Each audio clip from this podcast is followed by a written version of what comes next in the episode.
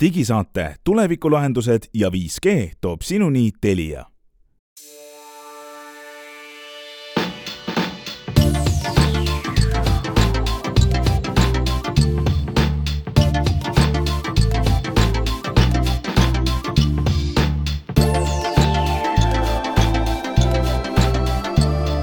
tere, head kuulajad, nimetu digisaade alustab jällegi üheksanda jaanuaril kaks tuhat kakskümmend kolm.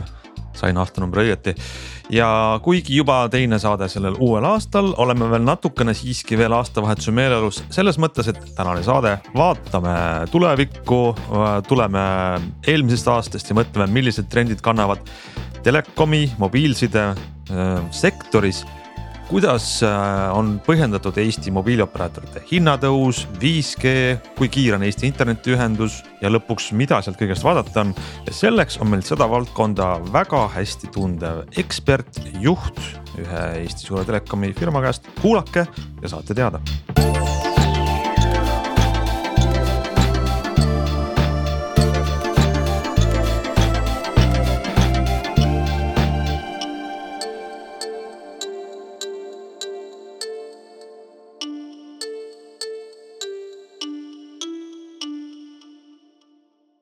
no tere, alustame siis selle aasta juba teise esmaspäeva eh, digisaatega, nimetud digisaatega. Ja meil on täna külaline, milleks, kelleks on Holger Haljand, kes on Telia Eesti eh, veel värske juht eelmise aasta lõpust, detsembri algusest, kuigi juba eh, kõva veteran Telias aastatega, eks ju, Holger, kaua sa Telias töötanud oled?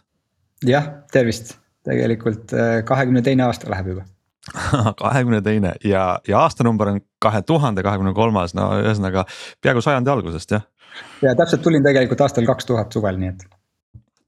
siis, kui ei kukkunud kokku kogu globaalne taristu aasta kaks tuhat kardetud vea pärast, no nüüd äh, hiljem on aastavahetusel läinud rahulikumalt, siis dramaatikat pole olnud, aga ikkagi on see hetk, kus vaadata ette vaadata tulevikku, mõelda, kust me tuleme, kus me läheme. ja natuke me tahaksime Olgariga rääkida sellest, mida tema näeb oma positsioonilt äh, Eesti suure telekomi juhi kohalt äh, väljakutsetena ja mis on põnev ja mis on oluline. ja eks me siis küsime ka omalt poolt vastu äh, meid huvitavate teemade kohta, aga võib-olla Olgar, tehes ots lahti, mida sa siis ütleme äh, näeksid trendina või selle olulisena, millele sa oma aega hakkad pühendama nüüd sel aastal, mida Telia kliendid, aga võib-olla ka laiemalt, kes me kõik Eestis kasutame telekomi teenuseid, mis, millega me rinda pistame ja mis on meie jaoks nagu oluline? jah, aitäh, jah, sellest korra tulekust saati hakkasingi mõtlema, et selle kahekümne kahe aasta jooksul tegelikult on tekkinud päris hea selline trendide, mida me oleme ette näinud, mida me ei ole ette näinud ja kuidas see on nagu liikunud ja. mida siin julgeme üldse ennustada, on ju, et kuna ajalooliselt võib öelda, et selline üle kümne aasta ikkagi ei olegi väga võimalik näha neid asju, mis ongi võib-olla huvitav ja tore, et. me täna näiteks arendame siin 5G võrku, siis meid küsitakse ka, et noh, et milleks ta nagu võimeline on. ja tegelikult ega me ei peagi ette nägema veel, sellepärast et paljud need tehnoloogia arengud on tekitanud uusi võimalusi, mis tekivadki selle tehnoloogia nagu implementeerimise ja arengu käigus. Äh, hea näide oli näiteks 3G, kui me 3G äh, kahe tuhande viiendal aastal nii-öelda äh, võrguna turule tõime. siis tegelikult keegi veel ei osanud ju ette näha, et iPhone tuleb kaks tuhat seitse ja mis sellest kõik saab, on ju, ja siis tuleb 4G ja nii edasi. me oleme umbes nagu samas kohas täna, et see on nagu ähm, tore on jah, niimoodi ajalooliselt seda kogu seda telge jälgida. aga kui ma täna nii-öelda vaataks tulevikku, siis äh, siis, siis on võib-olla jah, sellised võib-olla viis plokki, äh, millest täna võiks rääkida ja. ja kui alustada sellest, et mis Telia roll on, et noh, Telia roll ikkagi on Eestis selline digiühiskonna arenguvedur äh, ja, ja selline selgroog, et, et meil oleks moodne ja turvaline infrastruktuur ja, ja et me saaksime nii-öelda oma digitaalset ühiskonda nagu hästi arendada ja siin ka turvaliselt äh, elada ja hakkama saada ja, ja võib-olla alustakski sellest, et selline digitaliseerimise areng, et, et mis on nii-öelda saanud nüüd tohutu kiirenduse just nendest kriisidest ja koroona ajast. et see on nagu selgelt veel kiirenev, et äh, siin ei ole küsimustki, et äh, see on nii ühelt poolt nagu ettevõtete ja ja, ja võib-olla lahenduste nagu digitaliseerimine, just digikeskkondadesse viimine ja kogu äri nii-öelda digimaailma viimine Äh, ja, ja teiselt poolt ju kasutajad, kes äh, täna juba oma nii-öelda elu seal elavad, et, et neile tegelikult lähemale tulemine Tohiks... igast huvitavaid asju muidugi, et sellest võibki rääkida kohe on ju. jah, vot ma küsin, et võib-olla tood mõne näite selle kohta, et ma küsisin sult enne ka, et kui palju näiteks Telias on kolitud äh, näost näkku kohtumisteni äh, siis võrreldes igasuguste Zoom'ide ja Meet idega e,. sest et koroona ajal oli see peaaegu kõik virtuaalne ja siis oli küsimus, et kui palju me läheme tagasi sellesse e,. kas täitsa nulli läheb see virtuaalsed kohtumised või jääbki täitsa üles Äh, kas, kas see on üks näide digitaliseerumisest või on sul mõni veel? ja noh, see on see, kuidas me oma tööd oleme siin korraldanud ja täna jah, meil on äh, ütleme pooled äh,. pooled töötajatest töötavad kaugelt ja pooled käivad kontoris on ju, et siis ja see on, tundub täna selline täiesti optimaalne nii-öelda suhestus, sest et see ei ole ka nii, et need pooled on siis kogu aeg kodus või need pooled on kogu aeg, aga see on see, see, et kuidas me liigume ja. ja, ja kust me nii-öelda tööd teeme, et see on hästi paindlikuks muutunud. aga võib-olla teine isegi parem näide on nii-öelda, kuidas meie kliendid meid, kuidas me nagu oma klientidega suhtleme, et siis seal on ka see trend äh, väga kiiresti nüüd muutunud, et tegelikult üle poolte kontaktidest meil juba toimuvad digikeskkondades. et kogu meie müügitegevus, teenindustegevused, äh, et suur osa nii-öelda automatiseeritult juba digikeskkondades, aga ka kui ei ole automatiseeritud, siis teenindajad ka suhtlevad klientidega juba nii-öelda äh, kas chat ides või äh, videokonverentsis või siis äh, emaili teel, aga, aga see trend on selgelt näha, et tehingud nii-öelda liiguvad digikeskkondadesse. ja seda siis võimekust tuleb kogu aeg arendada, seda kogemust peab kogu aeg parandama, sellepärast et see kliendi ootus seal on juba väga kõrge, seepärast et meid ei võrrelda mitte ainult enam eri, erinevate telkodega või selles nii-öelda Eestis kontekstis isegi. meid võrreldakse ju maailmaga, sest et see kogu maailm on nüüd juba kättesaadav seal digikeskkonnas. ja siis on aina suurem surve on, et, et võimalikult head kogemust seal pakkuda, mis on ühes mõttes hea jällegi nagu konkurentsi mõttes, mis on globaalseks muutunud. aga see oht, mis ma tahtsin siit välja tuua, mis võib-olla nagu just nagu on nagu huvitavam just nagu tuleviku arengute mõttes on, et mis hetkel ikkagi see virtuaalmaailm või digikeskkond muutub ikkagi äratundmatuks või eristamatuks sellest reaalmaailmast. et äh, see on juba ju täna käes, kus me vaatame televiisorit ja me tegelikult ei pruugi aru saada, kas see on tehtud arvutiga või see on päriselt see inimene, kes seal räägib. et see on juba täna käes. Äh, ja kuhu see siis edasi viib, kui me jõuame nii-öelda metaversi, ilmselt see aasta veel ei juhtu aga mingi hetk juhtub ka see, et, et kui sa paned omal prillid pähe või, või lähed kuskile nii-öelda keskkonda, et sa enam ei saa aru. ja see on ka vist juba nagu selge, et see mingi hetk juhtub, on ju. aga võib-olla murettekitav jah, täna on see just see nagu see fake ja valeuudiste ja valeinformatsiooni edastamine. teiselt poolt kõik see, mis võiks olla digitaliseeritud ja ei peagi olema eristatav, võib ka olla positiivne, et sa teedki ägedaid mänge, ägedat meelelahutussisu, sa võid ju seriaale toota. sa ei pea selleks enam inimesi nii-öelda sinna kohale viima aga kuidas seda nagu kuritarvitatakse, see on see võib-olla ohtlik pool, et. et siit me jõuame kohe selle järgmise trendi juurde, mis on turvalisus, mis on nagu ülioluline eh,. kuidas me oleme liikunud kiirelt digitaalmaailma, aga tegelikult selle turvalisus ei ole tegelikult järgi jõudnud, et kui me jälle võrdleme füüsilise maailmaga, siis me oleme turvalisust üles ehitanud ju aastakümneid, aastasadu.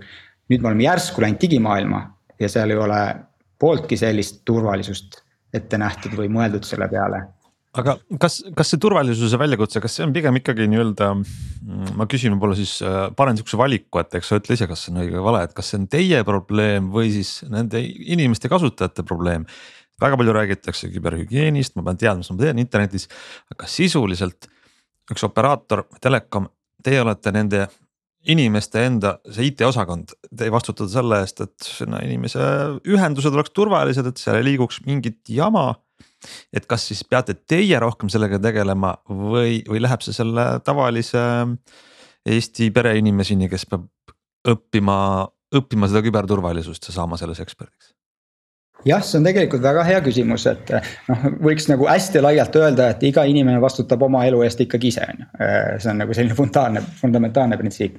aga väga oluline on tõesti sellel teenusepakkujal tagada ikkagi Äh, see turvalisus ja tagatakse teadlikkus, et kui tema teenuseid kasutatakse, mis ohud sellega kaasnevad, mis see nagu teadlikkus peaks olema äh, selles nii-öelda keskkonnas, maailmas või seda teenuse kasutamisel.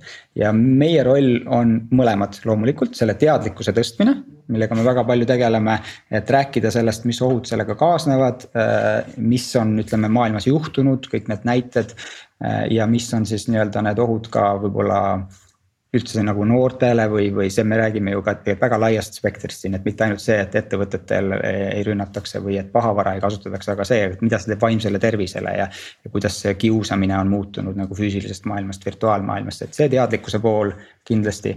ja teine on jah, et päriselt lahendusi pakkuda, ehk siis äh, turvata oma ühendusi, pakkuda selliseid nagu teenuseid siis vastavalt sellele, mis vajadused on, kas siis eraisikutel või, või ettevõtetel ettevõtete suurusest ja olemusest ka ju sõltub, et, et kui palju erinevaid turvalisi turvalahendusi või turvataset on vaja seal tagada, nii et, et see on kindlasti meie roll ja seda me ka teeme. mingi, mulle tundub, et mõnes, mõnikord ei ole probleem selles, kes nii väga väljaspoolt rünnates kätte saab, vaid mõni aeg tagasi oli tohutu laine selliseid pettusi, kus inimesed ise kannavad oma raha üle mingisugustele kurikaeltele kuigi see kõik on ilmselge pettus, aga nad loodavad sealt saada, silme ees on eurod või dollarid ja tuleb midagi enamat, et. noh, sellises olukorras, see on lihtsalt selline nagu eh, väga palju lõppkasutajat, tavalist inimest puudutav mure, kus ei ja saa ju ka tegelikult kaitsta ei, aga seal ongi see teadlikkuse teema, et seal ongi, seal põhimõtteliselt ju saabki ainult teha seda, et inimestele rääkida, mis toimub, millele tähelepanu pöörata, kuidas ettevaatlik olla, kuidas küsida õigeid küsimusi ja jah, seda on väga raske nagu tehnoloogiliselt ennetada tõesti.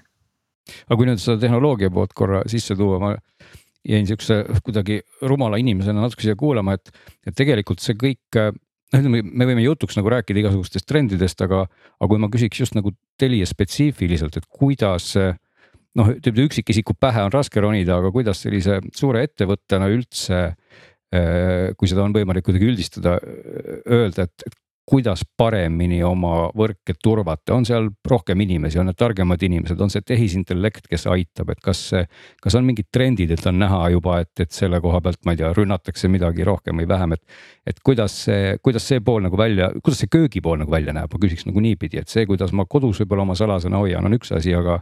aga kuidas selline ettevõte, kes neid suuri infotorusid haldab, sellega tegeleb?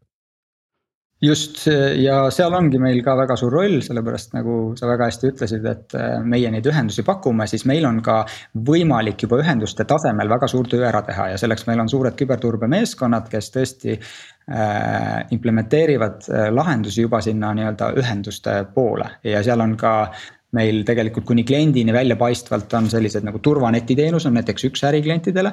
kus on selgelt juba filtrid, tulemüürid vahel, mis äh, võtavad väga suure osa sellisest nii-öelda massrünnakutest või masspahavarast või sellisest nii-öelda liiklusest kinni ja, ja teine on siis selline aktiivne monitooringu tiim, kes siis pakubki teenust ka suurematele äriklientidele, kellel on vaja aktiivselt nende äh, nagu ettevõtte suunal jälgida liiklust ja eristada ära siis, kus need nii-öelda äh, võib-olla problemaatselt või tähelepanu vajavad nagu logid tekivad, et. et need rünnakud on läinud ka aina keerulisemaks ja noh, DDoS on selline klassika, on ju. aga DDoS-i varjus juba tehakse muid asju ja sellest enam ei piisa, DDoS-i me saame päris hästi automaatselt juba blokkida. aga kui sul DDoS-i varjus hakatakse tegema, et see on nagu, nagu suitsukate ja sealt hoopis selle varjus tehakse mingeid hoopis teisi tehinguid, siis neid niimoodi automaatselt jälle üles leida on raskem, aga noh, kogu aeg õpime, aga selleks on vaja ka sellist aktiivset nagu monitooringu süsteemi ja tiimi selle peale. nii et äh, need on nagu kaks võib-olla konkreetset asja, millega meie praegu just aktiivsemalt tegeleme ja investeerime ja arendame, sellepärast et need on sellised nagu kasvava trendiga äh, võib-olla ohud aga kas sealt on nagu ütleme, kui veel korra siia sama, sama teema lõppu küsida, et, et kas selle rünnaku mõte nagu on tihti selline lihtsalt hasart või on ikkagi seal taga mingisugune pahatahtlik kasu saamise huvi või et on, on seal ka mingeid trende nagu näha, et mida ja. nagu saada tahetakse? seal on kaks selget trendi, täpselt need, mis sa mainisid. üks on see, et äh, üks on poliitiliselt nagu ajendatud üldiselt, et kui näiteks poliitikud midagi otsustavad, midagi ütlevad. noh, näide oli siin jälle, et kui otsustati Narvas tank ära viia, siis selgelt tuli suur laine peale. puhtalt sellepärast, et näidata, et see meile ei meeldinud, me ründame teid, me kuidagi tekitame teile nii-öelda ebamugavust ja tõmbame teie veebilehti maha, ründame teie nii-öelda valitsuse mingeid veebisaite, meediasaite. näitame, et, et see, see ei olnud okei okay,, on ju. ja seal ei ole tegelikult mingit muud ajendit ja siis teine on see, mis tegeleb tõesti sellega nagu, et raha teenida. ja siis seal on juba nagu täpsemad lahendused, seal on ikkagi krüpteeritakse su ettevõtte nii-öelda andmed ära, küsitakse selle eest raha. seal on see paha vara, mis, mille, mille peale ongi nagu vaja tõesti töötajaid ka koolitada, et mis linki tohib klikkida, mis manuseid tohib avada, kuidas sa nagu ära tunned, et see on õige või see ei ole õige. et sealtkaudu nagu siseneda siis ja, ja kompromiteerida ja siis kuidagi nagu välja pressida, et need on nagu kaks selget trendi, mis on väga tugevalt kasvanud ja, ja need kaks asja, esimest märksõna, mis, mis sa oled öelnud, on ju selgelt seoses, mida rohkem ütleme siis ettevõte kolib äh,, digitaliseerib ja mina näiteks kodaniku või tarbijana eeldan, et ma saan alati kõik teenused netist kätte. Siis seda enam on kriitiline, et, et keegi ründab seda, võtab pantvangi mingeid andmeid, võtab selle maha ja, ja siis mida rohkem sa oled digitaalne, seda rohkem oled sa ka haavatav ilmselt. jah, eks see käibki käsikäes, noh et äh, lõpuks siin ei ole midagi ju noh, otseselt nagu ebaloomulikku, kui me jällegi mõtleme ajalukku tagasi. et, et kui me tegime mingi äri füüsilisse maailma, siis ta alguses võib-olla oligi avatud, kõik raha oli hunnik laua peal, on ju, et noh ja siis me hakkasime seda turvama, hakkasime tegema uksed-aknad ette, kindlam maja, panime raha kuskile arvele, noh et, et neid turvatasemeid hakati arendama vastavalt selle, kuidas see ohutasu suurenes. ja täpselt nii toimub ka digitaalmaailmas, siis ma ütlesingi, et meil on nagu, me oleme ära harjunud mingi turvalisusega füüsilises maailmas ja meile tundub, et see on nüüd nagu hästi ja see ongi hästi ilmselt. siis, siis me lihtsalt peame looma selle keskkonna samamoodi ka sinna digitaalmaailmasse, me oleme natuke maha jäänud turvalisusega, ütleme siis ausalt. millega. Nagu või maailmana tervikuna mm. -hmm. Millega veel äh, sel aastal näed, et tuleb? jah, et kui nüüd äh, liikuda kolmanda teema juurde, siis, äh, siis on selline üldine kestlikkus, et nimetaks seda niimoodi, et see on nagu kahelt pidi, et just, et kuidas me suudame hoida kestvana oma planeeti, loodust, see, kus me elame, et kõik meie äritegevus tegelikult ju kahjustab seda või kõik meie elutegevus ka kahjustab seda, et kuidas seda ohjata, sest meil on ikkagi väga selgelt ju ära tõestatud teadlased, kui me jätkame samasuguse eluviisiga, siis me võime planeedi kinni panna siin lähikümnetel aastatel on ju. et, et see on, hakkab rohkem ja rohkem teadusesse jõudma ja, ja ettevõtted hakkavad aina rohkem nagu sinna investeerima, et kuidas oma äri äh, kestlikumalt või noh, looduskeskkonda hoidvamalt äh, üles ehitada. ja teine on siis, äh, kuidas seda kestlikkust nii-öelda ka nagu ettevõtte äritegevuse mõttes nagu äh, hoida, et meil on siin kriisid, meil läheb aina raskemaks, energia läheb kallimaks, on ju, meil on erinevad nii-öelda majandus, makroökonoomilised nii-öelda kriisid siin. et kuidas sellistes olukordades nii-öelda oma ettevõtte jätkusuutlikkust tagada. et, et see, need on nagu sellised ka kaks sellist nagu just nüüd nagu eriti aktuaalseks muutunud trendi ja need võiks kokku võtta nagu kestlikkuse nime all aga äkki saab nende... öelda kohe, ma kohe segan jälle vahele hopsti mõne konkreetse Lase näite või et ütleme, et kuidas, mida sa näed, et kus on see koht, mis, millist hooba saab Telialt tõmmata, et me oleme nüüd kesklikumad aastal kaks tuhat kakskümmend kolm võrreldes sellega, mis me olime jah, ja, ja Telia on siin äh, nii oma jällegi ettevõtte vaates kui ka, mida me saame pakkuda nii-öelda ühiskonnale ja oma klientidele, et. et äh, ühes mõttes looduskeskkonna hoidvalt loomulikult me panustame sellesse, et me ise tarbiks näiteks energiat vähem. et me tarbiks ainult rohelist energiat äh, ja kuidas me nii-öelda toimime, kuidas me oma nii-öelda seda noh, nii-öelda oma tarnijatega tagame seda, et, et see jalajälg, mida meie oma teenuse pakkumisel suudame vähendada, sest et väga suur see jalajälg tuleb näiteks seadmete tootmisest, kuidas me saaksime seadmeid taaskasutada, et me kogu aeg ei raiskaks. see on nagu, mida me ise saame teha ja siis on midagi, mida me saame pakkuda ka nii-öelda oma klientidele ehk siis äh, lahendused konkreetselt on siis selle digitaliseerimisega seotud, et see on seotud nii sellega, et kuidas see ettevõte ise oleks jätkusuutlikum. seepärast, et ta tahab ju olla ka seal, kus tema kliendid on, ehk siis olla digitaalsetes keskkondades, need lahendused. ja teine on, et kui ta digitaliseerib, et ta teeks seda ka keskkonda hoidvalt, et, et noh, näiteks, et igaüks, iga ettevõte ei paneks omale mingit serveri parki huugama kuskile. mis töötab alakoormusel ja tegelikult nagu kasutab tohutult energiat ja saastab loodust. ehk siis tuua need kõik kokku äh, virtuaalsesse keskkonda keskkonda. Äh, meie näiteks andmekeskused, mis on juba mm, äh, keskkonnasõbralikuks ehitatud, kuidas soojust taaskasutatakse ümbruskonna elurajoonide soojendamiseks, kasutame rohelist energiat, ehk siis. me saame tegelikult, tuues oma IT-lahendused Teliasse, me saame pakkuda ka nii-öelda seda looduse hoidu ja, ja jalajälje vähendamist ettevõtetele. kas Telial ongi kusagil ka mõned serveripargid, mis kütavad mingit linnaosa või? jah, on. ongi jah, ahaa, kus kohas, kui saladus pole no näiteks meie Mustamäe andmekeskus äh, kütab sedasama ümberskaudset äh, elamumaju oh,. Okay. no mul on selline küsimus, mis võib-olla sobitub siia teemasse väga hästi, et ma, kui, kui Telia Eesti juht on meil saates, siis mul kohe kuklas tekkis tunne, et need meie kuulajad ja Telia kliendid eelkõige tahavad rääkida hinnatõusust. ja, ja võib-olla, kas seal sobitub nagu see küsimus siia, sest et kestlikkus, nagu sa ütlesid, tähendab seda, et me kasutaks vähem äh, keskkonna jalajälge, aga see vähem energiat näiteks, moodne võrgutehnika on ju palju ökonoomsem, efektiivsem. ja see ei tähenda ainult nagu keskkonnahoidu, vaid ka tegelikult see võtab palju vähem raha, sest elekter on meil kallis ja, ja kuidas see käib kokku sellega, et tegelikult ju eh, hinnad tõusevad, et ka teenuste, Telia teenuste hinnad tõusevad, et, et kuidagi need kaks otsa, ma arvan, tavalise kliendi jaoks nagu nad ei saa kokku. Äh, see tegelikult selles mõttes, kui me räägime kestlikkusest, siis see tähendab ka seda, et äh, majandustegevus on kasumlik, on ju, et. Äh, et kui me täna räägimegi, et meil ja näeme, et meil majanduskeskkonnas kulud ja sisendhinnad tõusevad, siis paratamatult selleks, et Telia saaks investeerida nendesse lahendustesse, pakkuda neid teenuseid, hoida seda kvaliteeti ja arendada seda infrastruktuuri, siis paratamatult peab ka hind tõusma. sellepärast, et sisendhinnad on äh, tõusnud, et kui me seda ei teeks, jah, siis me peaks hakkama järgi andma selles kas kvaliteedis või infrastruktuuri arendamises või oma investeeringutes. ja seda me täna teha ei taha, me näeme, et me oleme, on võimalik nii-öelda Äh, hoida seda kasumlikkust, ehk siis õigustada seda, et, et meie teenused võivad olla kallimad, sest et kliendid teavad, et me investeerime selle õigesse kohta, me investeerime selle infrastruktuuri laienemisse, sellesse kvaliteeti, sellesse kestlikkusse ja jätkusuutlikkusse, sellesse me usume. ja, ja sellepärast meie nagu eesmärk on jah, et vastavalt siis nii-öelda nendele kuludele ja sisendina kasvule hoida oma kasumlikkust ja, ja selle jaoks peame hinda korrigeerima. ja sealt me jõuamegi tegelikult sellesse nii-öelda neljandasse trendi, mis ma äh, olen endale kirja pannud, et ongi see nende ühenduste infrastruktuuri areng. ja siin sa mainisid juba mitu asja siit ära, et, et selleks, et, et ka nii-öelda ühelt poolt me peame tõesti ja arenebki see tehnoloogia, et me näiteks praegu ehitame 5G võrku. aga samas me paneme ka kinni näiteks 3G võrku ja, ja see on selline seotud mitme sinuga poolt märksõnaga, et esiteks näiteks 5G võrk võtab kümme korda vähem voolu kui 3G võrk. ehk siis see on nagu üks juba oluline põhjus, miks me ei peaks kõiki võrke kogu aeg paralleelselt äh, opereerima. noh, teine on, et ta kümneid kordi muidugi kõrgemaid kiiruseid ja, ja, ja väärtust toob Äh, aga, aga ja, ja teine aspekt on see nii-öelda ka ressursisäästlikkus, sellepärast et äh, mobiilivõrgud töötavad nagu sagedusressursil ja sagedusressurss on piiratud ressurss.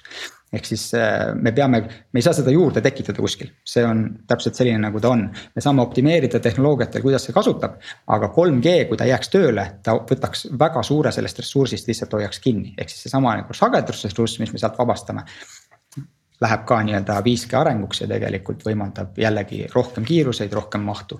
kas, kas sul on, kas oskad meiega jagada, mis see 3G sulgemise mõju on, et sul on kindlasti Telia juhina mingi paber kuskil laual digitaalsena, mitte päris paber. mis ütleb, et kui me selle nüüd kinni paneme, meil on Eestis veel X eh, inimest, kes kasutab sihukest telefoni, kus on ainult 3G. on meil sihukeseid inimesi või kas sa tead sellist, äh, sellist infot? Ja me oleme nüüd sellega juba aastaid tegelikult teadlikult tegelenud, et sellel hetkel, kui me sulgeme 3G võrgu, ei oleks sisuliselt noh, ma ei, ma ei saa öelda ühtegi, aga peaaegu et ühtegi telefoni, mis lakkaks töötamast. ja, ja see on ka tänu sellele, et tegelikult enamus 3G telefone, mis on üldse turule toodud. kõik nagu järgmise tehnoloogia telefonid toetavad kõiki eelmisi. see tähendab, et isegi kui ta on nagu 3G telefon eh, ja võtab talt 3G ära, siis ta töötab 2G-s edasi eh, loomulikult selleks, et see parem kogemus oleks, me teeme pakkumisi ja proovime motiveerida, et vahetage ikkagi 4G või 5G telefoni vastu. et saaks siis ka nagu selle tehnoloogilise väärtuse ja kogemuse kätte. aga kui on inimesi, kes seda ei soovi teha, siis nende telefon igal juhul tööle jääb. et, et kellelgi nii-öelda teenust ära ei võeta äh, selle muudatusega aga võib-olla veel, kui rääkida ühenduste ja infrastruktuuri arengust, siis äh, see aasta me näeme kindlasti veel sellist kahte huvitavat võib-olla trendi, et üks on siis mis juhtub mobiilivõrkude ja wifi nii-öelda sümbioosis. sellepärast, et 5G-ga tekib nüüd küll selline nagu põhimõtteliselt nagu eeldus või võimalus, et ega selliseid kontori wifi'sid enam väga vaja ei ole, et kontori wifi'd on üldiselt nii-öelda loodud selleks, et et sul on mingi oma võrk ja mingisugune nii-öelda privaatne keskkond, kus sa siis oma nii-öelda töötajate ja arvutite ja seadmetega toimetad. aga 5G võimaldab nüüd selle privaatvõrgu sulle luua mobiilivõrgus. et eraldab sulle sellise väikse privaatse nii-öelda tüki sealt ja kõik sinu seadmed, mis siis on sinna registreeritud, saavad tegelikult kõik igal pool 5G võrgus olla nii nagu oma kontorivõrgus ehk siis see juba loob sulle palju ägedama lahenduse, esiteks kui wifi seda suudab ühelt lokaalselt, ta suudab seda nagu üle Eesti nii-öelda luua. ja teine on, et, et tegelikult see turvalisuse ja kvaliteedi tase 5G-s on juba palju parem kui, kui wifi tehnoloogiatel. et see on nagu üks selline huvitav nagu trend, mida me testime juba klientidega ja, ja, ja mis tulevikus aina rohkem hakkab levima, et sul ei ole vaja neid erinevaid igasuguseid võrke jälle nagu ehitada, mis üksteist võib-olla segavad. oota, olge, kas ma sain õigesti aru, et sa, sa mõtled, et äh, kui mul on kontor, kus mul on näiteks, äh, ma ei tea, viisteist arhitekti on tööl või, või kolmkümmend raamatupidajat või kaheksakümmend müügiinimest, on ju. ja neil on mis iganes läpakad, lauakad, telefonid, noh nagu ikka pilt on segane, et me võime loobuda, noh, ükskõik, kas see on Telia või kelle iganes nii-öelda püsiühendus sinna kontorisse. ja me võtame kõik need seadmed, paneme lihtsalt eh, mingi SIM-kaardiga 5G-sse, kaasa arvatud lauaarvutid ja kõik asjad või, või mida sa täpselt mõtlesid selle all? Jah, see, see võib mingi hetk nagu see, ma ütlen, et see täna ei ole neid seadmeid nii palju, 5G võrk seda juba võimaldab. lihtsalt võib-olla sul on läpakad ja kasutusmugavuse mõttes sul ei ole igal poole neid 5G SIM-e ja asju nii-öelda panna. aga põhimõtteliselt 5G-ga saaks jah, sellise lahenduse teha, et me teeme sulle sellise privaatse kontorivõrgu ja siis on ka olenemata, kus tegelikult su töötajad töötavad, nad ei pea seal kontoris olema, nad on tegelikult üle Eesti laiali kodudes seal. igal pool, kus on 5G levi, nad saavad olla tegelikult selles samas kontorivõrgus nii-öelda äh, nagu nad oleks harjunud olemas kontoris. aga teistpidi me teame, et kõikide mobiilivõrkude ühisnimetaja on see, et lõpuks nad saavad alati täis, eks. et kui nad alguses tulevad välja, siis on noh, suhteliselt tühi, väga mõnus, kiire, aga mingite aastate pärast on ikkagi täis. et kui me nüüd, sinu plaan osutuks tõeks ja me tõstaks kasvõi kolmandiku Tallinna kontoritest 5G-sse, siis pilt ei ole enam siis nii ilus, mina kahtlustan, aga vot ma ei tea. absoluutselt ei ole ja, ja see ei olegi äh, kõikide kasutusjuhtumite heaks just ütlesingi, et see on üks selline nii-öelda võimalik kasutusjuht nendes kohtades, kus see loob väärtust. ehk siis, kus ongi selline töö, kus te ei ole nii-öelda ühes kohas koos või ei ole ühte kontorit või kõik on nii-öelda laiali, aga vajate oma sellist privaatvõrku ja nagu kontori. aga sisuliselt ta asendab VPN-i siis või noh, et täna on VPN see asi, mis sa lülitad sisse, vahet pole, mis ühendus, kus riigis, maa all, maa peal, eks ole, mis seadmega, ikka oled oma kontoris jah, aga ta siis automatiseerib põhimõtteliselt selle, et, et inimesed ei pea teadma, mis see VP on, kuidas me sisse logida. väga lahe oleks, kui see, ma tahan öelda, et see on väga lahe, kui see saaks, jõuaks reaalsusse tegelikult selline virtualiseeritud kontor. aga millegipärast ei ole kõigi nende aastakümnete jooksul ikkagi sülearvutid saanud äh, tuge 4G-s ega 3G-s ega 2G-s. meil olid need netipulgad ja, ja sinna see jäi, olid küll mingid üksikud mudelid, aga ma juba ootan tegelikult pikalt, et ma saaks saaks SIM-kaardi või e-SIM-i tegelikult oma sülearvutusse pista. ma arvan, et see jah, seda, seda on nüüd raske prognoosida, et mis hetkel see järgi tuleb, ma arvan, et see mingi hetk kindlasti tuleb. Esimese hooga ma ütleks, et see loob väärtust rohkem nagu seadmetele, mis on automaatsed, et mis on vaja võrku ühendada, ehk siis ta läheb sinna rohkem sinna IoT valdkonda. et need seadmed, mis peaks kõik olema ühiselt selles privaatvõrgus, et need saavad siis nii-öelda 5G toel lihtsamini ühendatud. aga selline üldine kontseptsioon ikkagi on, kui me räägime üldse ühendustest, siis seal peab väga hästi tasakaalustama seda, mis on nagu fiksühendustega ja mis on mobiiliühendusega, selles mõttes Hendrik, sa tõid väga olulise pointi välja. ja siit jõuamegi võib-olla sellesse kohta, et kuidas me ehitame oma optikavõrku on ju. ja kuidas see viimast miili ja see, mis on palju tähelepanu saanud, et äh, ühelt poolt ei ole kunagi mõistlik ehitada seda optikavõrku absoluutselt igale aadressile igal pool üle Eesti. Aga samas me ei tohi ka öelda, et me katame kõik 5G-ga, sellepärast et nagu mõlemad on ressursi raiskamised ja mõlemad noh, ei ole, ei ole mõistlik nii-öelda, ei ole ka tegelikult võimalik äriettevõttel selliseid investeeringuid nii-öelda teha. aga kombinatsioonis on see väga tehtav ehk siis, et me mingit teatud kauguseni ehitame neid äh, optikavõrke. Mingi teatud äh, hulk teeme neid viimase miili ühendusi äh, üle optika ja siis mingi teatud hulk teeme üle 5G ja sellises kombinatsioonis on see lähiajal täiesti tehtav. no ma jäin sellesama jutu taustal siin mõtlema või no ütleme, see, see aspektist, mida Hendrik küsis, ma jõudsin samal ajal sama asja peale mõelda, kui ta juba küsiski seda, et ja, ja siit veel edasi nagu mõeldes, kui ma nagu suuremat pilti vaatan, et et ühtepidi tundub tegelikult nagu hästi totter, et tänane kortermaja, kus on seal, ma ei tea, võib-olla sada või rohkem korterit. Tegelikult igasse korterisse saabub kaabel ja igas korteris on täna ruuter, mis teeb sellest wifi ja seal on siis üks, kaks, kolm, neli või palju elanikke, kes tarbivad seda wifi't. see ulatub reeglina umbes veel läbi viie korruseni, et kui sa avad täna keskmises kortermajas wifi võrgu ala, siis sa näed seal umbes viitekümmet võrku, on ju. ja, ja, ja see on kõik nagu üks, üks niisugune noh, kui ma seda visualiseeriks, on üks niisugune Aasia riigi sasi pundar juhtmeid, mis on postide otsas ja mis siis läheb juhtmevabalt igale poole edasi, et. et kui ma niisugust suuremat pilti vaatan, see tundub tegelikult ju üür, üüratult ressursivaenulik suhtumine on see, et, et me veame igale poole kaabli ja paneme sinna otsa igale poole siis äh, wifi ruuteri, mis tekitab veel ala, mis kõik omavahel kattuvad. et ühtepidi nagu see tundub totter, aga teistpidi ma ka, tundub ka mulle natukene kummaline selle nagu, nagu teisel pool me kõik, räägime kogu aeg, kuidas on kaabliühendus on tegelikult see õige, kiire ja parem ja see tõesti ka nii on, et kui on kodus võimalik, siis tõesti ühenda oma asjad kaabliga, sa saad palju rutem laadida üles-alla ja kõike teha. et, et minu nagu segane jutt nagu pigem sihibki sinna, et kas, kas siin paistab nagu mingit head lahendust, et kas me saame kuidagi sellise suurema inimeste kontsentratsiooni puhul nagu vältida seda juhtmete ja ruuterite mäsu või, või, või on siin, kas, kas sa näed kuidagi siin mingit sellist suurt ja keskkonnasõbralikku lahendust, pilti sellele? Äh, jah, näen ja see võiks välja näha selline, et kui äh, maja, kortermaja ehitatakse, siis ehitatakse sinna korralik sisevõrk. nii nagu tegelikult tehakse ju ärielamute puhul juba, tähendab ärikontorite puhul. Äh, ja noh, võib-olla ma ei tea, nii nagu me teeme täna, viime elektri, vee ja kanali majadesse nii on tulevikuelamu või need nii-öelda korterelamud ka varustatud korraliku sisevõrguga. mis tähendab, et äh, iga inimene, kes sinna korteri ostab, tuleb sinna, seal on juba wifi võrk, see on täpselt nii planeeritud, et igal korteril need üksteist ei sega, see on kõik loogiliselt nii-öelda planeeritud. ja, ja, ja see töötab äh, hästi, äh, klient ei pea sellest muretsema, tuleb sinna, teeb oma arvuti lahti, liitub teenusega ja olemas. on see juba täna ka reaalsus või kas, kas, kas on ka maju, kus juba ongi nii tehtud, ütleme, et kas või, või siis mitte? ärihoonete puhul küll jah, aga korterelamude veel ei tea, et oleks, aga, aga see aasta võib. see, see, see iseenesest tundub nagu väga hea mõte, mis sa tegelikult nagu kirjeldasid, sest et see see noh, iseenesest korteri puhul nagu mõnes mõttes probleemiks ongi, et igaüks on seal nagu nihukeses oma pisikeses mullis, eks ole, ja kõik tahavad ju olla piisavalt ka privaatsed, et noh, seal tuleb. Tuleb aina juurde, et, et ma ei tea, kui te olete kindlasti ka vaadanud, et kui palju teil on seadmeid wifi's kodus noh, ma just vaatasin, tegelikult ikkagi pidin pikali kukkuma, et mul on kolmkümmend viis seadet, mõtlesin, et mul ei ole nii palju, aga siis hakkasin vaatama ja, ja näe ongi, mis nad teevad seal Wi-Fi's, no ma ei tea.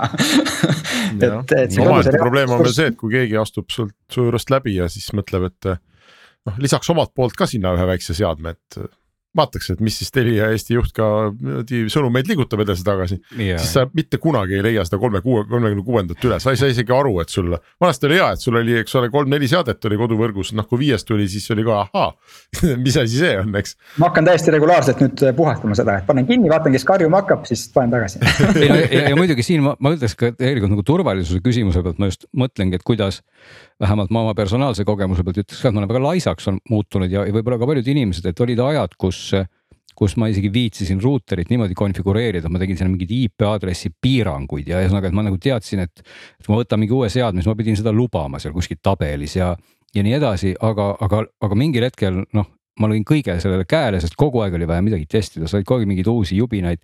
ja põhimõtteliselt noh, enam ei viitsi, eks ole, et see nagu ühtepidi tähendabki, et, et, et nagu uks on jäetud tegelikult palju rohkem lahti ju ajal, kus see võiks palju rohkem kinni olla tegelikult, eks ole mm. -hmm, tead, aga ma tahtsin siia vahele öelda, Glenni mure ühest küljest väheneb kortermajandus, et tead uuemad wifi'd on üha nõrgema leviga, nii et sa ei, sa ei häiri naabreid nii palju no., aga ähm, mida võib-olla jällegi, kui me kasutame võimalust, kuna Holger on meil siin saates, küsime selle kohta, et kes ei ela suures kortermajas, elab linnast väljas.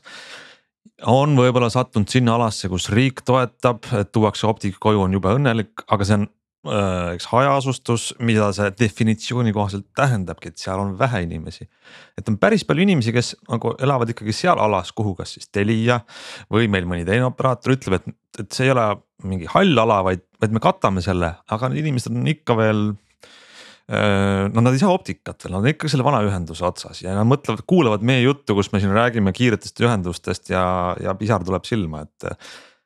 Kas kaks tuhat kakskümmend kolm, mis, mis nagu Telia teeb selle osaga, mis, mis inimesed istuvad, kas olgu siis vana ADSL või mõni muu ühendus, mis tegelikult ka ei aita enam.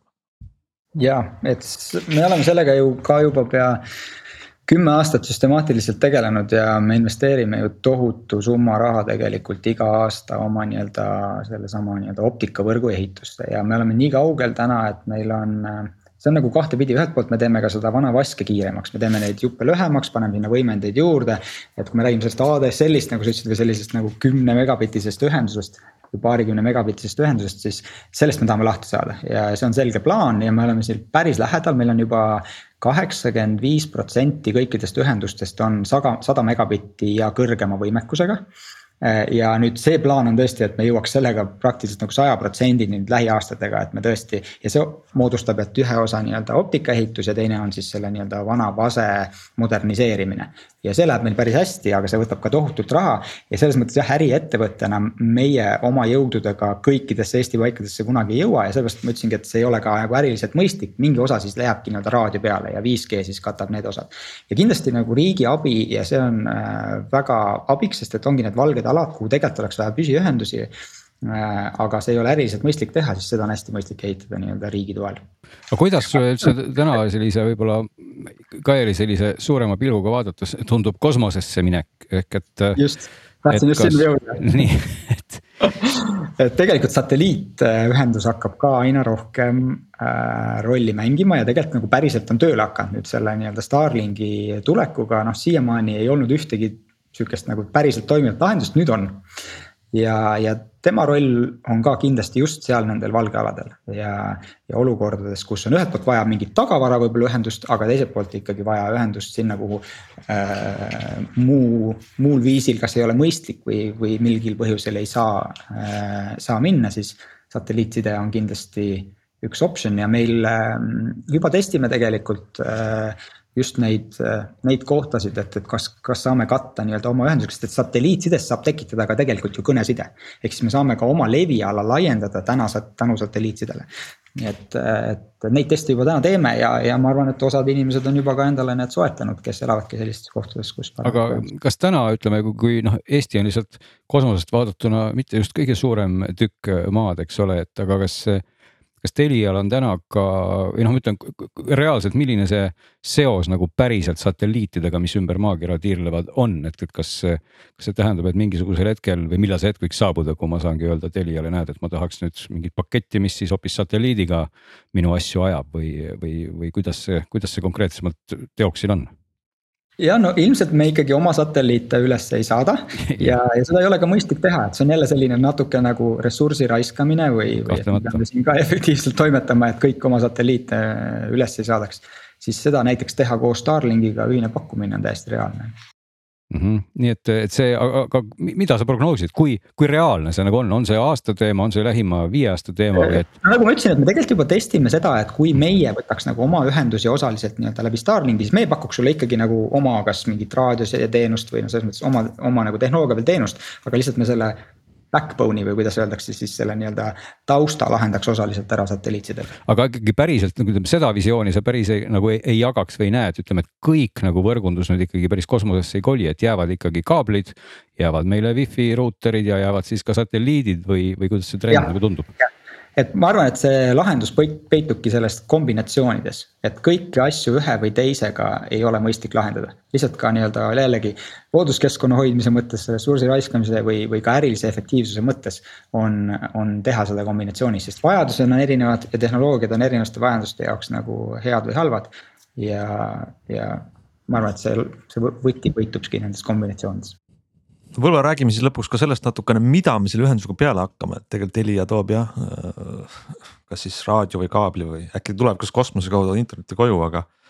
samal ja, ajal Telia oli, oli vanasti teleteenuse pakkuja, nüüd pakute striimingut, aga minul on juba striimingu teenuseid äh, päris mitu, mida ma igakuuselt ostan ja, ja vaatan ja, ja see pilt läheb üha kirjumaks Eesti inimeste jaoks, et pakku-, pakkumisi on üha rohkem. Mis siis see Telia võimalus on üldse eristuda selles pildis? Äh, just, see jõuamegi siis selle viienda trendini nii-öelda, mis meid siis see aasta ja edaspidi hakkab mõjutama just telko vaates, siis. Äh, me vaatasime nüüd eelmine aasta sügisel juhtus see hetk, kus Telia tv äh, ületas salvestuste vaatamine lineaarvaatamise ajaliselt. et see juhtus tegelikult ainult nüüd, ma ei tea, kui te arvasite, et see on juba ammu juhtunud või et see veel kunagi ei juhtu, aga see nüüd juhtus et, et see on selline huvitav võib-olla maamärk. ja, ja tõesti äh, nagu sa ütlesid, siis aina rohkem ja rohkem ikkagi seda sisu tuleb globaalsetelt äh, mängijatelt. ja seal on ka toimuvad need üles-alla, et kui me vaatame, kuidas see on nii-öelda alguses oli ta nii, et seda sisutootjaid otsisid agregaatoreid, et oleks koht, kuhu oma sisu panna, et kliendini jõuda. siis kõik oma sisutootjad tõmbasid oma sisu agregaatoritelt välja, ehitasid oma brändid, tekkisid, on ju. noh, Netflix oli tegelikult agregaator, Netflixist tõmmati välja, Netflix muutus oma sisutootjaks, siis Disney pluss tegi eraldi, HBO tegi eraldi. kõik nii-öelda äh, Amazon, mis iganes, on ju.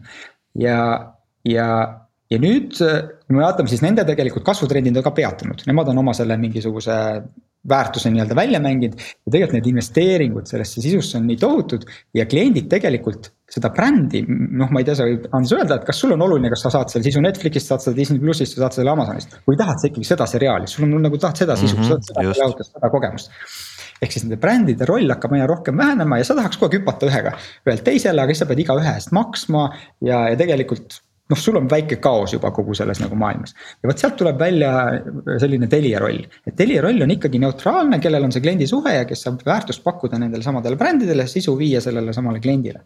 ehk siis me tahaks olla see, kes ikkagi on see gateway, meie saame mõnes mõttes kogu selle sisu ju ka personaliseerida, me saame sulle ikkagi hakata soovitada üle kõikide platvormide, iga platvorm eraldi mitte kunagi seda teha ei saa. meie saame leppida kokku mingi parema hinnamudeli, ehk siis, et sa saad ise vahetada erinevate sisude vahel, ilma et sa peaks igaühega liituma, lõpetama, liituma, lõpetada. et, et võib-olla see on äh, meie nii-öelda selles mõttes tulevikutrend või selline roll selles TV sisu meedia maailmas. et ikkagi tuua kokku kõik need globaalsed brändid just nagu Eesti äh, inimesele seepärast, et ega ütleme, me loome väärtust ka nendele globaalsetele brändist, et nendel nagu Eestis ju mingisugust olulist rolli nad ei näe, Eesti on nii väike nende jaoks. aga neile on okei okay,, kui keegi Eestis selle nii-öelda kokku agregeerib.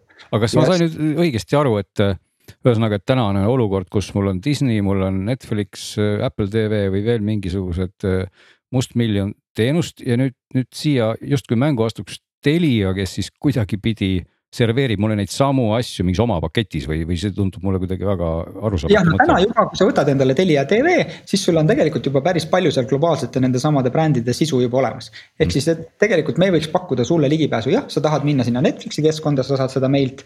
aga tegelikult võiks tulevikus ka olla see, et sul on need juba sisu toot-, toodetud sisu on tegelikult sul selles ühes keskkonnas olemas, ehk siis sa otsid sisu, sa enam ei otsi brändi. ja sa tahad nii-öelda Game of Thrones'i, sa otsid selle välja, sa saad selle kätte, see, et ta tuleb Netflixist, tuleb ta sealt HBO-st äh, või tuleb ta Amazonist. see ei oma ju lõpuks enam tähtsust, sa tahad seda sisu tarbida meie peaksime lahendama sulle selle ära, et kõikide nende suurte brändide sisu on meie keskkonnast kasutatav selle. nojah, eks seal tekibki seesama moment, et täna need suured keskkonnad omavahel ju konkureerivad eelkõige või noh, kliente või vaatajaid tõmmatakse just selle selle sisuga, mis on ainult seal, eks ole, et, et on võib-olla oma nii-öelda hittseriaal no, Netflixil yeah., oma on Amazonil, oma on, eks ole, Apple'il ja, ja nad ei taha seda kohe mitte anda nüüd kellelegi kolmandale, kes siis ütleb, et meil on need kõik nüüd siin ühes potis olemas. ma just et, tahtsin et, küsida, et mulle see äh, visioon väga meeldib, ma olen nõus seda ostma kohe, kannan raha üle, aga see vist ei ole minu ega ka Telia otsustada, et kas Disney pluss nüüd annab oma Star Warsi frantsiisist teile need, et, et seal on see oma brändi eelises on neil ikkagi väga, väga palju mängus, kas ei ole? Nii, aga just see oli see trendide nagu arutelu, et kui me nägime seda trendi, seda nii-öelda tõmbame sisu välja, ehitame oma brändi, siis nüüd me. jällegi võin ennustada valesti, aga pigem näen, et see trend hakkab nüüd muutuma, et nad lõpuks tahavad ju selle sisu eest raha saada, nad tahavad selle kuidagi ikkagi nii-öelda monetiseerida.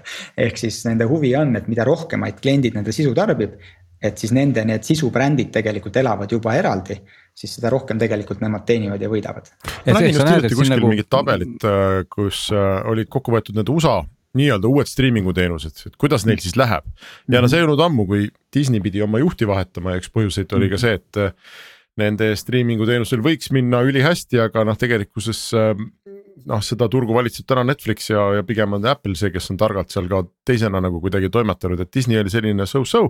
Ehm, ja siis mul tuli kohe meelde, et ega siin mõned aastad tagasi olid ju just operaatorid need, kes kuidagi tahtsid ja ei tahtnud sinna sisuärisse minna, eks, et ähm,. Elisa muutis, muutis ennast meelelahutusettevõtteks ja, ja Telial on oma Inspirad ja ma ei tea, kas teil on veel midagi ähm, ja samas nendest ei ole nagu vähemasti avalikkusel poolt vaadates ju midagi ülisuurt nagu tulnud, eks, et, et. Inspira ei ole Eesti teleturu liider või, või üldse tegelikult mingi eriline tegija seal, ma arvan. vaatajanumbrite poolest ja, ja, ja, ja ilmselt ka käibenumbrite poolest. et äh, mis, mis pointi on sellega jätkata nüüd ajal, kus raha läheb kallimaks ja kõik on kuidagi kahtlane ja tõenäoliselt teil elektriarved ka suurenevad kuust kuusse, et noh, seda kohta, kust, kust äh, kasumit peaks nagu juurde keerama, et neid kohti on nagu vaja, et ka ja ma ei küsi otseselt üldse Telia kohta, aga kas sa näed, et operaatoritel on üldse mõistlik seda, seda suunda nagu edasi ajada? Jah, näen ja seda just Telia vaates selles mõttes, et kui ma rääkisin, et kuidas me lahendame ära selle globaalsete brändidest, et tegelikult ega me tahame ju ka seda head sisu klientideni tuua. aga me ei hakka kunagi konkureerima nende eelarvetega, millega Netflix ja HBO ja Disney pluss nii-öelda tegutsevad, ehk siis, et selle maailma me peame lahendama koos nendega. aga see lahendab kõike ülesannet ju Eesti inimese jaoks, sellepärast et see kohalik sisu on ikkagi olulise tähtsusega. ja, ja see on selline ikkagi eriline väärtus, mida globaalsed brändid kunagi nagu täita ei saa. ja seal tuleb äh, mängu meie roll ja me oleme siin tegelikult Äh, selles mõttes see hüpotees, mis sa Inspiro kohta ütlesid, tegelikult ei pea paika, ta on Telia TV-s üks vaadatuim kanal. Äh, ja, ja me oleme sinna päris ägedat sisu tootnud ja, ja see tõesti läheb äh, klientidele korda, no just äsja lõppenud Masterchef näiteks. oli kõigi aegade kõige, peaaegu et kõige vaadatum nii-öelda saade ja seriaal ja, ja nüüd järgmisel aastal tuleb näiteks see Estonia huku seriaal Äh, saab olema kindlasti vähemalt sama või, või, või, või veel ägedam nii-öelda sisu. et selliste nii-öelda sisuprojektide väärtus meie kliendile on väga suur ja nad äh, hindavad seda väga kõrgelt äh, ja, ja mitte vähem kui see, nad on nagu võrdväärsed, et ühelt, et me toome selle globaalsete brändide sisu ja teine, et me toodame ikkagi oma sisu ja loome nii-öelda sellist kohalikku väärtust, see ongi see jällegi see nii-öelda võib-olla võlu kombinatsioon. aga sa lisaraha vist oma kliendilt selle eest küsida ei saa ju, Inspirast ei küsi ju, eks ole, lisakuutasu ei, ei, ei, see ikkagi loobki seda. mõnes mõttes teil on nagu, äh, mulle tundub, et Elisaga selline rumal olukord nagu tekkinud, et et otseselt kumbki nagu ei teeni või ma, vot Elisa puhul ma ei tea, on ju, aga noh, sina Inspira pealt otseselt nagu ei teeni lisaks, eks ju. aga inimestele meeldib ja nüüd sa ei saa seda nagu ära võtta siis sa näeksid üksinda jube loll välja, et Elisa ütleb, et oo, meil on siin kõik need seriaalid, näed, et. ja võib-olla nad ka ei teeni otseselt nende pealt, aga neil on nüüd kummalgi mingi asi, mis, mis neelab raha. ja võib-olla nagu ära võtta kliendilt ei saa, aga otseselt nagu rahalist kasu on ka raske mõõta sealt ei no seal on ikkagi otseselt selles mõttes ju rahaline väärtus, et kes tahab Teliast teenust osta ja kes ei taha.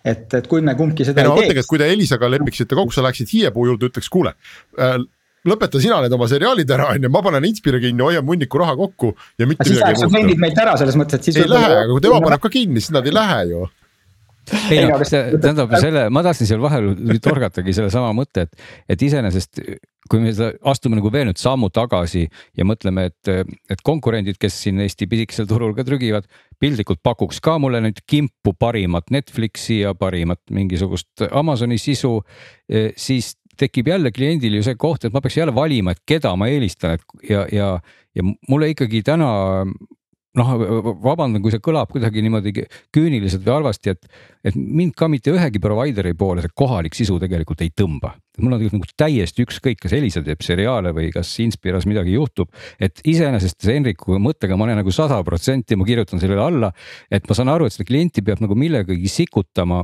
aga, aga seal tekibki lõpuks see koht, et võib-olla olekski mõistlik täpselt kutsuda keegi vaikselt laua taha ja öelda, kuulge.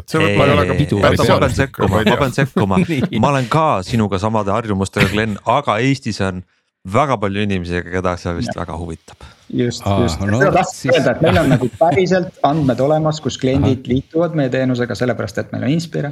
sellepärast, et me teeme Masterchefi, sellepärast, et me teeme Laula mu laulu, et see on nagu päris asi, et see loob päriselt väärtust ja sellepärast me seda teeme aga ei, kas see on, see on ei ole ka, kindlasti, aga võib-olla lõpuks hoopis mulle tundub, et kas ei ole niimoodi, et eh, oma sarjad ja välismaa sarjad ja kõik see, aga lõpuks inimestele loeb kaks asja.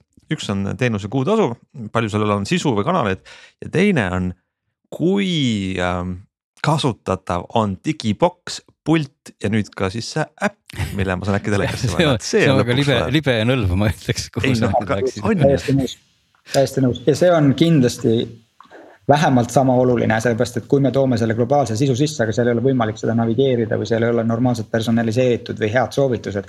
siis see ei tööta ja ma olen nõus, see on kindlasti üks. no eks see on selline, selline muidugi väga sihuke maitse asi, aga täna põhimõtteliselt Eestis, eks ole, on meil kaks, kaks suurt koolkonda nii-öelda ongi, on endine Staarman, täna on Elisa ja siis on Telia et need kasutajaliidesed näevad tänaseni välja nagu noh, natuke nagu siga ja kägu, et ma ei taha öelda, et kumb loom parem on. et see sõltubki nagu inimesest, aga fakt on see, et, et see inimene, kes on harjunud ühega, sõimab teist ja vastupidi, et kas te nagu tegelikult ka kuskil ise vaatate, mida teeb konkurent, et tahategi teha kõike risti vastupidi. või, või on seal nagu või tõesti nagu mõlemad arvavad, et see nende oma on just parim, et see, see mulle teeb kohati nalja, kui erinevad nad on ja, ja kui sa oled nagu harjunud ühega, siis ma olen näinud nii tuliseid vaidlusi, kuidas üks arvab, et teine on väga halb ja vastupidi. et mina, ma ei hakka ütlema, kummasse koolkonda ma võib-olla no,. ma just lootsin ja ma kindlasti ka ei, ei tea, et me kunagi oleks kritiseerinud kellegi teise nii-öelda. ei, ma isegi ei öelda, et seda nagu kritiseerinud, aga ma just mõtlen just nagu arenduse koha pealt, et, et tihti ma tahaks ka nagu küsida ühe arendajalt, et kuidas te saate nii debiilse lahenduse välja mõelda ja võib-olla teine inimene tahaks küsida nagu risti vastupidi. et see Meie on see koht, kuhu nagu sihtida. nii-öelda sellist kliendi tagasisidet ja uuringutelt, et me testime asju, me loome mingisugused ja vaatame, mis paremini töötab ja mille kohta me paremat tagasisidet ja sellest kogu meie arendus äh, lähtub. ja ma ei tea täpselt, kuidas Elis seda teeb, aga võib-olla on ka kliendi profiilid erinevad, on mingid vajadused erinevad ja võib-olla mõlemad töötavad äh, sama hästi, aga lihtsalt, kui sa oled harjunud ühega mm -hmm. ja mhm. teine on natuke teistsugune, siis on juba automaatne tõrge, see on nagu Apple ja Android, noh et, et kas sa ütled, et üks on parem kui teine. ilmselt äh, kui sa oled Apple'i kasutaja, siis sa kritiseeriks Androidi ja, ja vastupidi, aga tegelikult mõlemad ju arendavad ennast kasutaja nii-öelda kogemusest lähtuvalt. ja, ja nendele kasutajatele sobib, et. aga kui palju sa täna üldse nagu tunnetad siin sellist kohta, et, et nüüd keegi et noh, kuidas seda klienti nüüd enda juurde meelitada, et, et on see siis, on see kasutajaliides, on see sisu, on see hind, on see ühenduse kiirus või kas üldse saab siin nagu niimoodi üldistada, et kuidas see trend siin Eesti väiksel turul liigub? tegi selle päris hea kokkuvõtte, kuigi ma nagu eelkõige ütleks, et see on seesama globaalne sisu kohalik sisu ja kasutajaliides. et need on need kolm kõige olulisemat, millesse meie panustame ja siis see peab olema seda hinda väärt. isegi kui ta on natukene kallim, siis ta peab olema ka seda väärt ja see peab olema parem. et me tahame alati olla selles mõttes oma kvaliteedis ikkagi nagu samm ees ja me tahame, et siis see kallim hind seda kvaliteeti õigustaks ja klient oleks nõus rohkem maksma, sellepärast et ta teab, et ta siit saab parema asja, et ta saab kas rohkem sisu, kvaliteetsema sisu, parema kasutajaliidese, mugava kogemuse. aga ta peab saama rohkem, et siis me oleme õnnestunud, et see on meie nagu nii-öelda ülesanne selge pilt, mulle tundub, et äh, me saime katta selle, selle maailma trendid väga erinevate nurkade alt ja võtame nad äh, aasta jooksul jälgimise alla, et siis kui mitte varem või hiljem, siis vaadata, et kas see on tõeks saanud, kas see on muutunud ehm,. igatahes ütleme Telia Eesti juhile Holger Randile aitäh ja kõigile saate osalistele kuulajatele aitäh. meie saade on tagasi teiega juba nädala aja pärast ja kindlasti räägime Holgeriga äh, tulevikus veel